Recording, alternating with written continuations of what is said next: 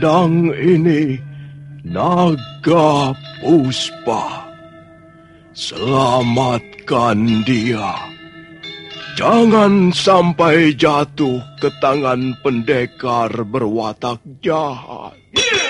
Yeah! Yeah!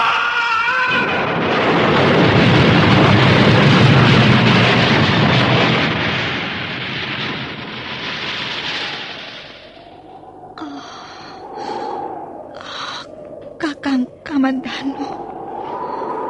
Kau, kau masih juga tidak percaya bahwa aku, aku mencintaimu. Mesin, maafkan aku Mesin. Oh, Mesin. Oh, Mesin!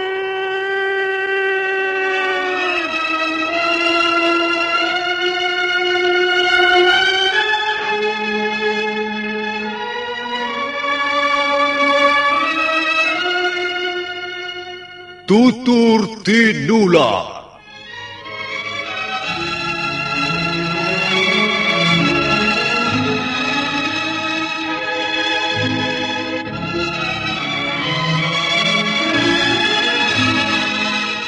Sebuah sandiwara radio serial, produksi Sanggar Cerita dan teater Sanggar Prativi.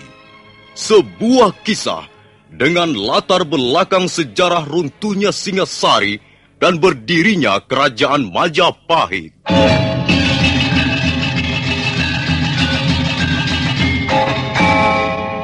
Sandiwara ini didukung oleh pemain-pemain radio yang sudah ternama. Ferry Fadli, Ivone Rose, dan Eli Ermawati.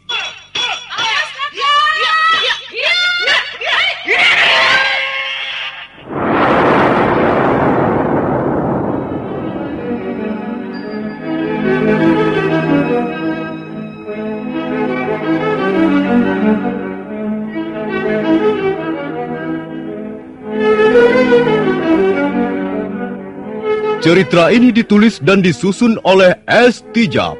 Teknik dan montase dikerjakan oleh M. Pranoto dan Edwin Sutandi. Sutradara Bambang S. Kali ini mengetengahkan episode kedua dengan judul Kisah dari Seberang Lautan.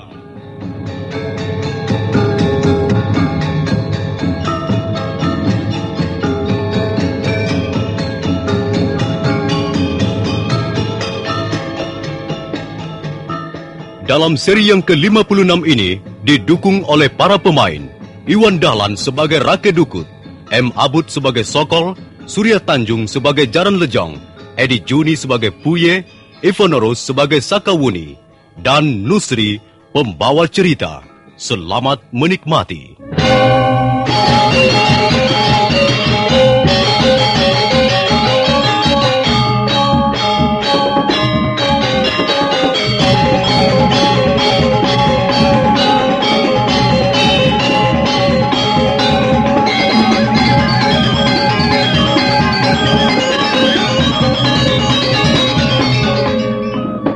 Ambir menjerit tertahan sambil mendekap dadanya untuk kemudian roboh ke tengah-tengah gelanggang. Para penonton menjadi gaduh. Jaran Lejong segera melompat ke tengah-tengah gelanggang dan setelah memeriksa Tambir, dia membentak agar penonton diam. Suasana seketika menjadi sunyi. Jaran Lejong menuding ke arah Sokol yang masih menggenggam kampaknya di sudut gelanggang. Sokol, apa kau sudah merasa paling jago hingga kau berani berbuat seenakmu atas nyawa manusia? Ayo lihat Tambir, lawan tandingmu itu. Cepat lihat. Sokol memasukkan kembali kampaknya, kemudian pelan-pelan mendekati tubuh Tambir yang diam tergeletak di tengah gelanggang. Oh, tidak. Tidak mungkin, tidak mungkin. Apanya oh. yang tidak mungkin? Oh, Tidak, saya tidak membunuhnya, Tuan. Sungguh, saya tidak membunuhnya. Setelah lawanmu roboh tak bernyawa begini, kau masih berkata tidak membunuhnya, ha? Tapi, tapi saya tidak membunuhnya, Tuan. Ah, kau harus dihukum berat, Sokol. tapi Tuan, ini ini bukan perbuatan saya, Tuan. Huh? Kau masih mau mungkir? Pada saat itu, sebuah bayangan berkelebat muncul dari arah penonton, langsung melompat ke tengah-tengah gelanggang.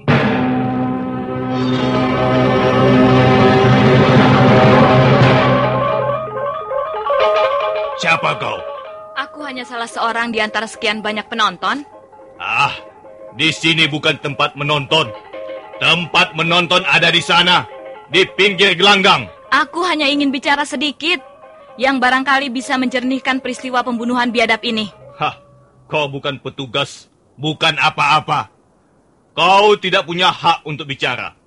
Ya, ayo turun. Hah?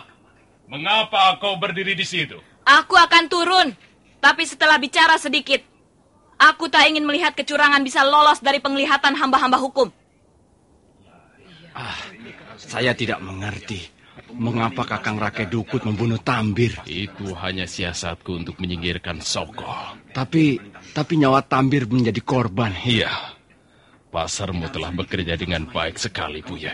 Tapi Kakang, bagaimana kalau Ah, sudahlah, diam kau. Tidak usah bisik-bisik. Kita bisa dicurigai. Nah, bicaralah.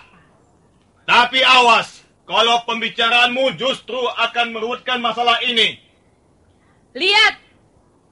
Aku menemukan senjata rahasia yang menancap di dada kiri Tambir.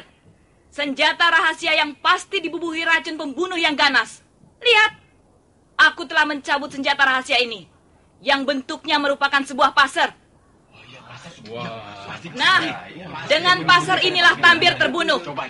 Ayo, sekarang persoalannya adalah siapa yang telah melemparkan pasar ini hingga menyebabkan kematian Tambir?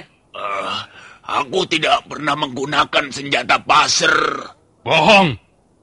Kaulah yang menggunakan senjata rahasia itu untuk memenangkan pertandingan. Kau curang! Kau pendekar berhati licik. Ah, sungguh, sungguh, saya tidak pernah menggunakan senjata rahasia macam begitu. Semua orang tahu, Sokol ahli bermain kampak, bukan tukang membokong dengan pasir. Soko, kalau kau ingin mewakili empat desa, kalau kau ingin bertanding di pelataran Candi Sorabana, pergunakanlah cara-cara yang baik, yang kesatria. Tidak, aku telah difitnah. Ada orang telah sengaja melempar senjata itu untuk memfitnah aku. Tunggu. Apa betul kau tidak pernah menggunakan senjata rahasia, Sokol? Oh, tidak pernah, Tuan. Kalau bukan kau, lalu siapa? Hmm? Siapa yang tahu di antara kalian? Katakan saja terus terang padaku. Siapa orang yang biasa menggunakan senjata rahasia macam begini? Siapa yang biasa menggunakan pasar? Agaknya mereka tidak berani berterus terang. Katakan saja terus terang. Sebut nama orang itu. Jangan takut. Kami akan menjamin keselamatan kalian.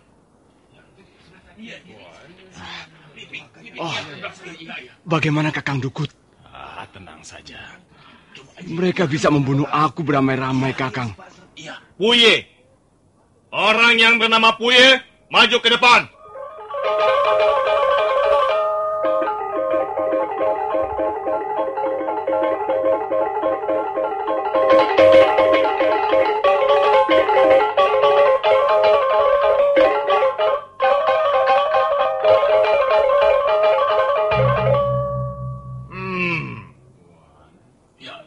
Jadi kau yang bernama Puye.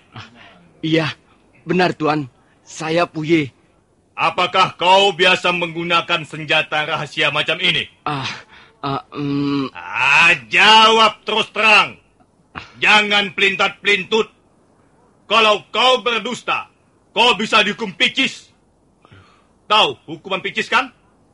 Kulit tubuhmu akan disayat-sayat pisau dan dibubuhi garam. Iya Tuan. Benar. Benar. Ah, benar apa? Benar. Saya biasa menggunakan senjata pasir. Nah, kalau begitu, senjata rahasia ini milikmu. Em, Benar Tuan. Nah, sekarang pertanyaanku terakhir. Apakah kau yang telah melempar senjata ini dari arah penonton? sehingga menyebabkan kematian Tambir? Ah, tidak, tidak Tuan. Saya tidak melakukannya. Ayo jawab yang betul, jawab. Bong, bong, dia pasti bohong itu. Ah, diam kalian semua. Diam. Kalau kalian gaduh begini, aku tidak bisa mengusut peristiwa ini dengan baik. Ayo Puye, akuilah bahwa kau yang telah melemparkan senjata ini. Ah, sungguh Tuan, saya tidak melakukannya. Bagaimana kau tidak melakukannya? Hah? Jelas senjata rahasia yang menewaskan Tambir adalah kepunyaanmu. Banyak saksi bahwa kaulah yang biasa menggunakan senjata rahasia macam begini. Akuilah saja Puye. Tapi saya benar-benar tidak melakukannya, Tuan. Puye, kau belum mengenal siapa aku. Hah? Jaran Lejong dulu juga orang berandalan. Jaran Lejong pernah hidup bertahun-tahun dalam dunia kejahatan. Dan aku adalah orang yang mudah panas hati. Kalau kau masih juga tidak mau mengakui perbuatanmu, aku bisa berlaku kejam. Bahkan sangat kejam. Uh, tapi Tuan, bagaimana saya harus mengakuinya? Saya benar-benar... Bukti! Bukti sudah cukup bahwa kau yang membunuh Tambir. Tidak, Tuan. Saya tidak membunuhnya. Buye! Tunggu! Hmm. Siapa kau? Namaku Rake Dukun. Aku turun ke gelanggang ini untuk ikut bicara atas nama keadilan. Hmm. Apa maksudmu dengan atas nama keadilan? Kukira Puye telah diperlakukan dengan tidak adil. Bagaimana kau bisa berkata begitu? Iya, Puye telah ditekan. Dia telah dipaksa untuk mengakui apa yang tidak pernah dilakukannya. Apakah bukti-bukti ini belum cukup untuk mendakwa dia sebagai pembunuh? Puye tidak mungkin membunuh Tambir. Mereka adalah teman baik sejak dulu. Mereka sudah sejak lama bekerja padaku. Semua orang desa ini tahu bahwa mereka bukanlah dua orang yang bermusuhan. Mereka adalah dua orang sahabat yang setia dan selalu bekerja sama dalam banyak hal. Hah, bagaimana Puye bisa membunuh sahabatnya sendiri? Tidak masuk akal. Marilah kita telusuri peristiwa ini dengan akal sehat kita. Kukira Puye telah menjadi korban fitnah. Uh, mereka adalah komplotan pendekar yang suka membuat keonaran. Mereka itulah yang melancarkan fitnah. Soko! Kau atau anak buahmu pasti telah mencuri senjata rahasia itu untuk membunuh Tambir. Dengan begitu, kau memojokkan nama baikku agar kau bisa mewakili empat desa ke Candi Sorabana. Bohong, dusta. Fitnah yang amat keji. Dialah yang memfitnah aku. Dialah yang bernafsu untuk ikut pertandingan di Candi Surabana. Cukup! Cukup! Hentikan tuduh-menuduh di antara kalian. Hmm. Agaknya persoalan ini menjadi rumit. Baiklah. Aku akan merundingkan dulu dengan kepala desa. Nah, sekarang semuanya bubar. Untuk sementara pertandingan kita hentikan dulu. Nanti sore akan kita lanjutkan lagi.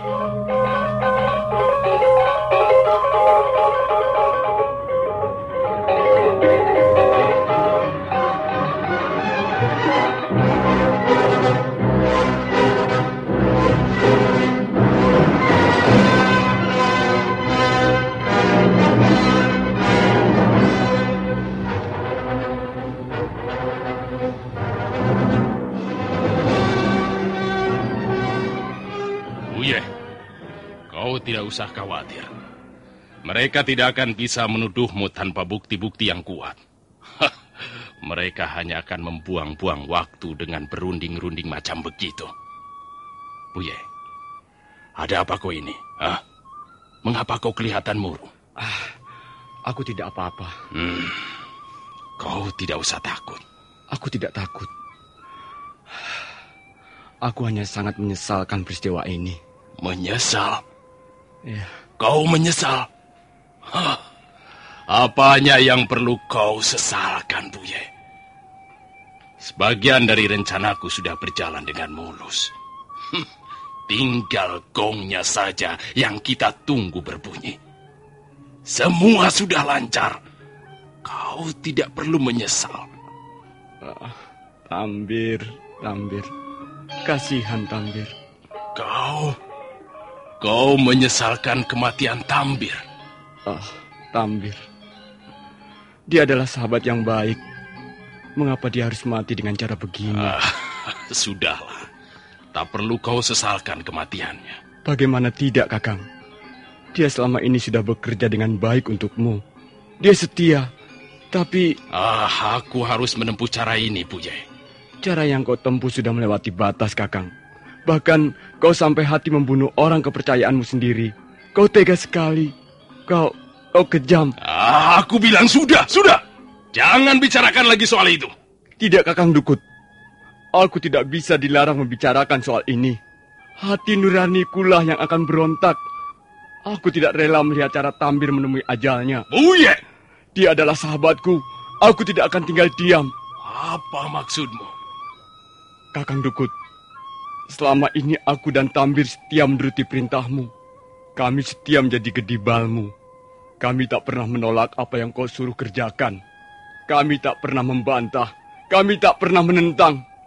Kami tak pernah membangkang. Bahkan Tambir tetap setia sampai menjelang ajalnya di tengah gelanggang akibat kekejamanmu. Dia kau suruh melawan Sokol yang jelas mempunyai tingkat kemampuan lebih tinggi. Tapi dia tidak menolak. Dia menurut seperti seekor kerbau diberi makan rumput. Dia menurut seperti seekor kambing. Tapi apa akhirnya? Apa yang diperoleh Tambir? Kematian. Oh, Tambir. Kasihan kau sahabatku. Diam kau Puye. Diam. Kau menyuruh aku diam Kakang Dukut. Tidak. Aku tidak akan diam. Kejahatanmu, ke kekejamanmu, kecuranganmu, kelicikanmu harus dibongkar. Dan aku yang akan membongkarnya. Puye, Puye.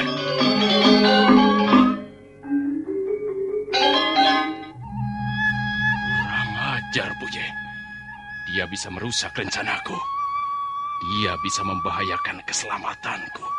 Huh, dia harus menyusul Tampir.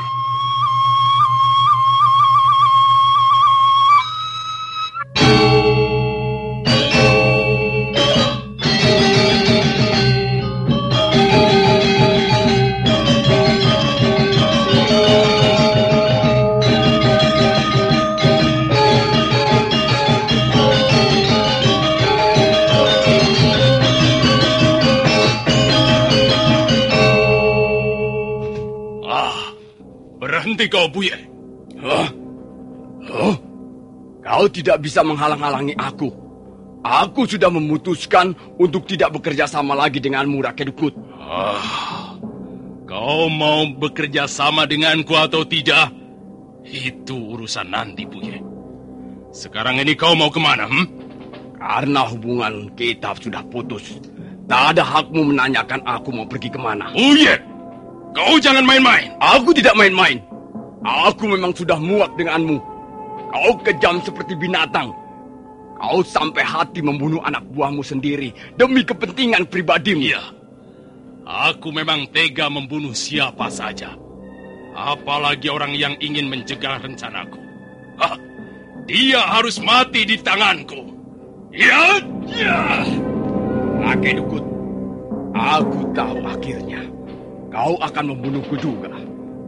Tapi aku pun tak akan tinggal diam. Walaupun kemampuanmu jauh melebihi aku. Aku tak sudi menyerah. Iya. Tenanglah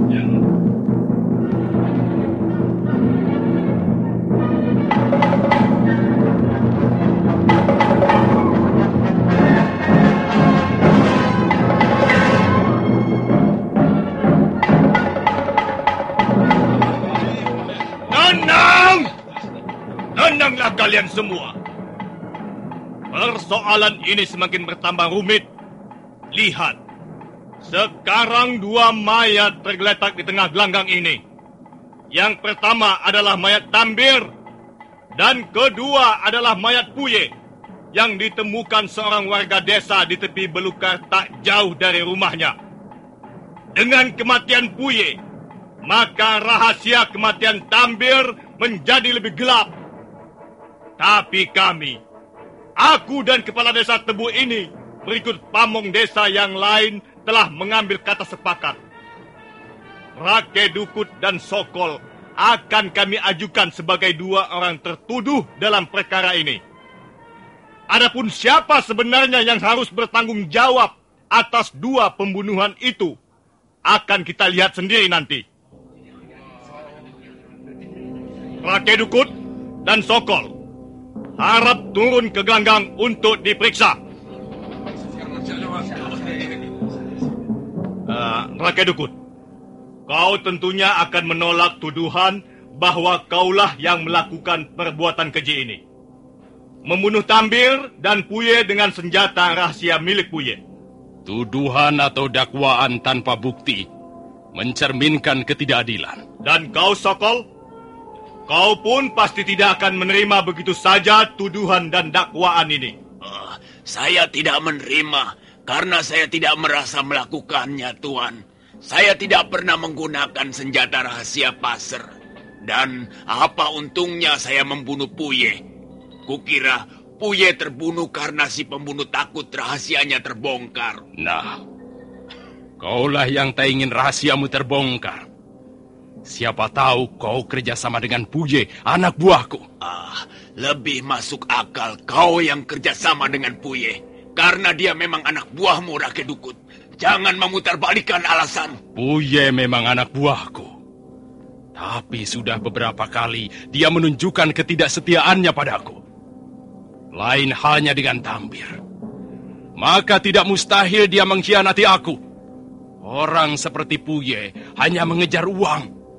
Dengan imbalan 10-20 tali, dia akan mau saja disuruh melakukan sesuatu. Kau, kau memang berhati busuk, Rake Dukut.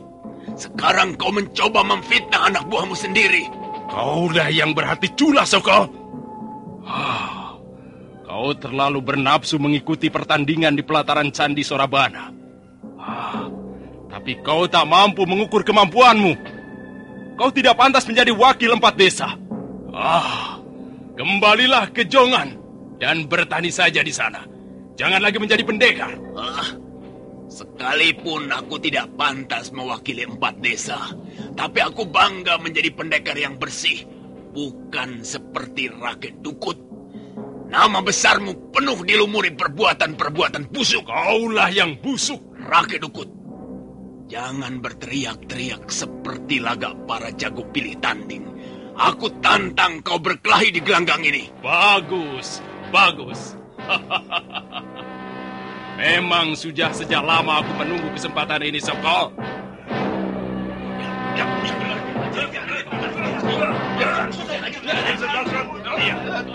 Tenang! Tenang! Kalau memang demikian keinginan kalian, baik Mungkin hanya dengan cara seperti ini, persoalan kematian Tambir dan Puye bisa diselesaikan.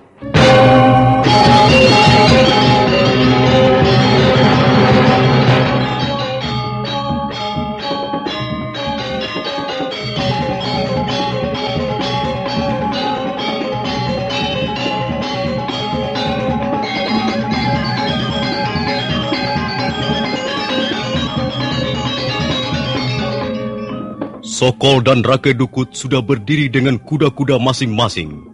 Sementara itu, orang-orang berkerumun sambil berbisik-bisik. Sakawuni, Pendekar Lo, dan Mesin yang hadir juga dalam pengusutan peristiwa pembunuhan dua orang warga desa Tebu diam di tempatnya masing-masing.